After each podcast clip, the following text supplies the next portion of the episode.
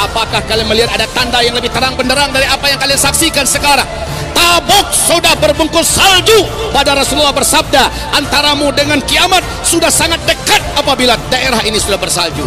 Dan Rasulullah bersabda Al-Mahdi nanti muncul dalam keadaan Arab berbungkus salju.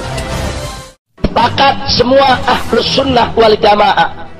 Tanpa ada satupun perbedaan bahwa semua ahlus sunnah wal jamaah yakin dan percaya akan kedatangan Imam Mahdi. Tidak ada satupun dari kalangan ahlus sunnah yang menolak tentang kepastian kedatangan Imam Mahdi. Jadi kalau ada kelompok yang tidak yakin dan tidak percaya dengan datangnya Imam Mahdi dia bukan ahlus sunnah wal jamaah.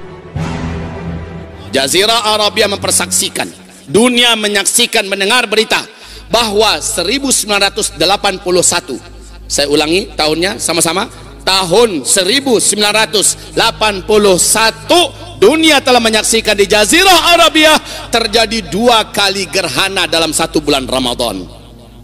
Anehnya 1982 terjadi lagi dua kali gerhana dalam satu bulan Ramadan. Dua tahun berturut-turut.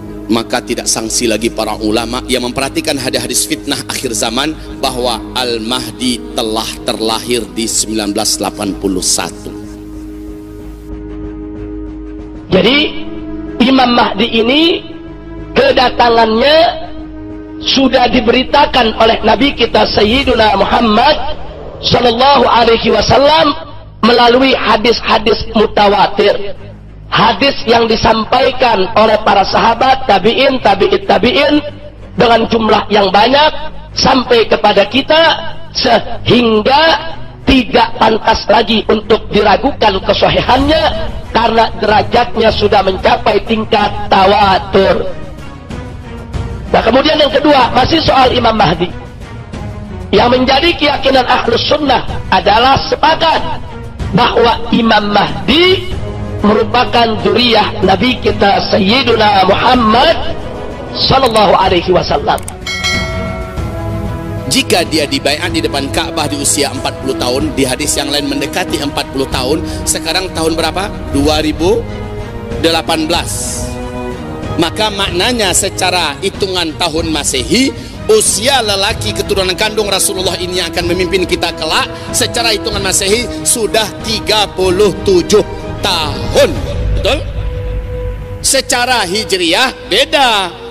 Hitungan tahun masehi dengan tahun hijriah harinya berlebih hari tahun masehi 10 hari tiap tahun. Maka 37 tahun secara masehi artinya dikalikan 10 hari maknanya 370 hari. Maknanya sudah lebih lagi dari satu tahun. Secara hijriah usia sang Al-Mahdi sekarang sudah 38 tahun lebih. Pada Rasulullah bersabda dia dibayar di usia 40 tahun. Di hadis yang lain mendekati 40 tahun.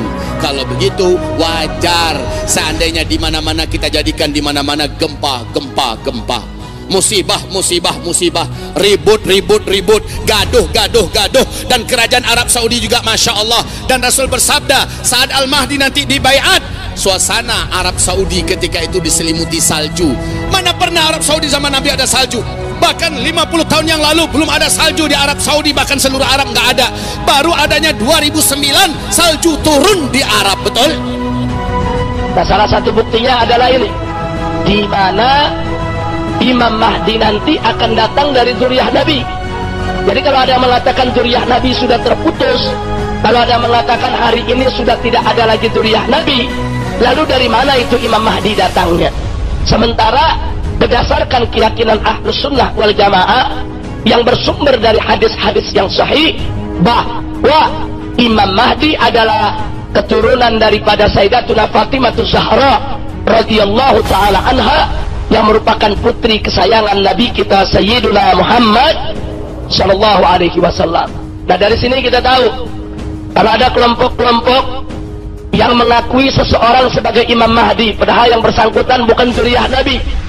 Kalau ada kelompok-kelompok yang mengklaim pimpinannya sebagai Imam Mahdi sebagaimana sering terjadi di zaman kita sekarang ini ketahuilah bahwa mereka bukan ahlus sunnah wal jamaah jadi Imam Mahdi tidak akan datang dari keturunan yang lain kecuali dari keturunan Nabi kita Sayyiduna Muhammad Sallallahu Alaihi Wasallam. 2009 salju turun semata kaki. Padahal Nabi pernah bawa jalan-jalan Muaz bin Jabal. Eh hey, Muaz antara ubun-ubunmu dengan kiamat sudah sangat dekat sekali bila lembah ini sudah dibungkus salju kata Nabi. 2009 salju pertama kali jatuh ke Tabuk semata kaki. 2010 sudah mendekati sebetis. 2011 sudah melewati betis. Sehingga imam Masjidil Haram berkhutbah dalam hari Jumatnya Syekh Su'ud Shuraim mengatakan hai umat Nabi Muhammad apakah kalian melihat ada tanda yang lebih terang benderang dari apa yang kalian saksikan sekarang? Tabuk sudah berbungkus salju pada Rasulullah bersabda antaramu dengan kiamat sudah sangat dekat apabila daerah ini sudah bersalju. Dan Rasulullah bersabda Al-Mahdi nanti muncul dalam keadaan Arab berbungkus salju jika dia sudah kamu dengar keluar, kamu wajib mendatanginya, berbaiat kepadanya, bersumpah setia ikut berjuang bersamanya, walaupun kamu harus merangkak di atas salju.